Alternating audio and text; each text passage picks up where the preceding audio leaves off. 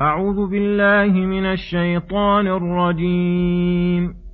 ولقد استهزئ برسل من قبلك فحاق بالذين سخروا منهم ما كانوا به يستهزئون. قل سيروا في الأرض ثم انظروا كيف كان عاقبة المكذبين قل لمن ما في السماوات والأرض قل لله كتب على نفسه الرحمه ليجمعنكم إلى يوم القيامة لا ريب فيه الذين خسروا أنفسهم فهم لا يؤمنون وله ما سكن في الليل والنهار وهو السميع العليم قل أغير الله أتخذ وليا فاطر السماوات والأرض وهو يطعم ولا يطعم قل إني أمرت أن أكون أول من أسلم ولا تكونن من المشركين قل إني أخاف إن عصيت ربي عذاب يوم عظيم. من يصرف عنه يومئذ فقد رحمه وذلك الفوز المبين. وإن يمسسك الله بضر فلا كاشف له إلا هو.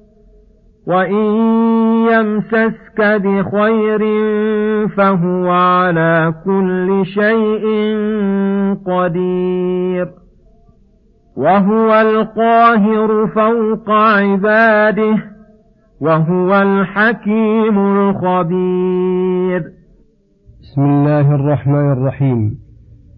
السلام عليكم ورحمة الله وبركاته. يقول الله سبحانه ولقد استهزئ برسل من قبلك فحاق بالذين سخروا منهم ما كانوا به يستهزئون. قل سيروا في الأرض ثم انظروا كيف كان عاقبة المكذبين. الآيات. يقول تعالى مسليا لرسوله ومصبرا ومتهددا أعداءه ومتوعدا. ولقد استهزئ برسل من قبلك. لما جاءوا أممهم بالبينات كذبوهم واستهزأوا بهم وبما جاءوا به. فأهلكهم الله بذلك الكفر والتكذيب ووفر لهم من العذاب أكمل نصيب فحاق بالذين سخروا منهم ما كانوا به يستهزئون. فاحذروا أيها المكذبون أن تستمروا على تكذيبكم فيصيبكم ما أصابهم. قل سيروا في الأرض ثم انظروا كيف كان عاقبة المكذبين. أي فإن شككتم في ذلك أو ارتبتم فسيروا في الأرض ثم انظروا كيف كان عاقبة المكذبين. فلم, فلن تجدوا إلا قوما مهلكين وأمما في المثلات تالفين. قد أوحشت, من قد أوحشت منهم المنازل وعدل من تلك الربوع كل متمتع بالسرور نازل. أبادهم الملك الجبار فكان نبأهم عبرة لأولي الأبصار. وهذا السير المأمور, المأمور به سير القلوب والأبدان الذي يتولد منه الاعتبار. وأما مجرد النظر من غير اعتبار فإن ذلك لا يفيد شيئا. ثم يقول سبحانه قل لمن ما في السماوات والأرض قل لله كتب على نفسه الرحمة ليجمعنكم إلى يوم القيامة لا ريب فيه. الذين خسروا أنفسهم فهم لا يؤمنون. يقول تعالى النبي صلى الله عليه وسلم قل لهؤلاء المشركين مقررا لهم ملزما بالتوحيد لمن ما في السماوات والأرض؟ أي من الخالق لذلك؟ المالك له المتصرف فيه.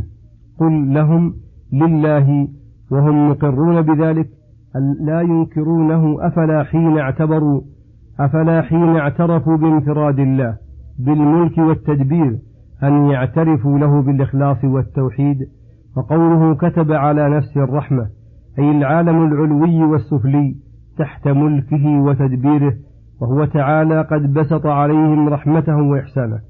وتغمدهم برحمته وامتنانه وكتب على نفسه كتابا أن رحمته تغلب غضبه وأن العطاء أحب إليه من المنع وأن الله قد فتح لجميع العباد أبواب الرحمة إن لم يغلقوا عليهم أبوابها بذنوبهم ودعاهم إليها إن لم تمنعهم من طلبها معاصيهم وعيوبهم. فقوله ليجمعنكم إلى يوم القيامة لا ريب فيه هذا قسم منه وهو أصدق المخبرين. وقد أقام على ذلك من الحجج والبراهين ما يجعله حق اليقين.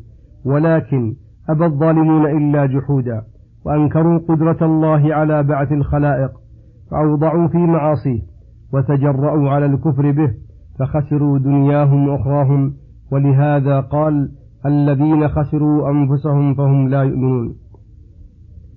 اعلم أن هذه السورة الكريمة قد اشتملت على تقرير التوحيد بكل دليل عقلي ونقلي بل كادت أن تكون كلها في شأن التوحيد ومجادلة المشركين بالله المكذبين لرسوله فهذه الآيات ذكر الله فيها ما يتبين به الهدى وينقمع به الشرك فذكر أن له تعالى ما سكن في الليل والنهار وذلك هو المخلوقات كلها من آدميها وجنها وملائكتها. وحيواناتها وجماداتها فالكل خلق مدبرون وعبيد مسخر لربهم العظيم القاهر الملك القاهر المالك فهل يصح في عقل ونقل أن يعبد من هؤلاء المماليك الذي لا نفع عنده ولا ضر ويترك الإخلاص للخالق المدبر المالك الضار النافع أم العقول السليمة والفطر المستقيمة تدعو إلى إخلاص العبادة والحب والخوف والرجاء لله رب العالمين. السميع لجميع الأصوات على اختلاف اللغات بتفنن الحاجات. العليم بما كان وما يكون وما لم يكن لو كان كيف يكون. المطلع على الظواهر والبواطن. قل لهؤلاء المشركين بالله أغير الله أتخذ وليا من هؤلاء المخلوقات العاجزة؟ يتولاني وينصرني فلا أتخذ من دونه تعالى وليا لأنه فاطر السماوات والأرض أي خالقهما ومدبرهما وهو يطعم ولا يطعم أي وهو الرازق لجميع الخلق عن غير حاجة منه تعالى إليهم. فكيف يليق أن أتخذ وليا غير الخالق الرازق الغني الحميد؟ قل إني أمرت أن أكون أول من أسلم لله بالتوحيد وانقاد له بالطاعة لأني أولى من غيري بامتثال أوامر ربي ولا تكونن من المشركين. أي ونهيت أيضا عن أن أكون من المشركين لا في اعتقادهم ولا في مجالستهم ولا في الاجتماع بهم. فهذا أفرض الفروض علي وأوجب الواجبات. قل إني أخاف إن عصيت ربي عذاب يوم عظيم. فإن المعصية في الشرك توجب الخلود في النار وسخط الجبار. وذلك اليوم هو اليوم الذي يخاف عذابه ويحذر عقابه. لأنه من صرف عنه العذاب يومئذ فهو المرحوم ومن نجا فيه فهو الفائز حقا. كما أن من لم ينج منه فهو الهالك الشقي. من أدلة توحيده أنه تعالى المنفرد بكشف الضراء وجلب الخير والسراء. ولهذا قال إن يمسسك الله بضر من فقر أو مرض أو عسر أو غم أو هم أو نحوه فلا كاشف له إلا هو وإن يمسسك بخير فهو على كل شيء قدير. إذا كان وحده النافع الضار فهو الذي يستحق أن يفرد بالعبودية والإلهية وهو القاهر فوق عباده. فلا يتصرف منهم متصرف ولا يتحرك متحرك ولا يسكن ساكن إلا بمشيئته. وليس للمملوك وغيرهم الخروج وليس للملوك وغيرهم الخروج عن ملكه وسلطانه. بل هم مدبرون مقهورون فإذا كان هو القاهر وغيره مقهور كان هو المستحق للعبادة وهو الحكيم فيما أمر به ونهى وأثاب وعاقب وفيما خلق وقدر الخبير المطلع على السرائر والضمائر وخفايا الأمور وهذا كله من أدلة التوحيد وصلى الله وسلم على نبينا محمد وعلى آله وصحبه أجمعين. وإلى الحلقة القادمة غدا إن شاء الله. والسلام عليكم ورحمة الله وبركاته.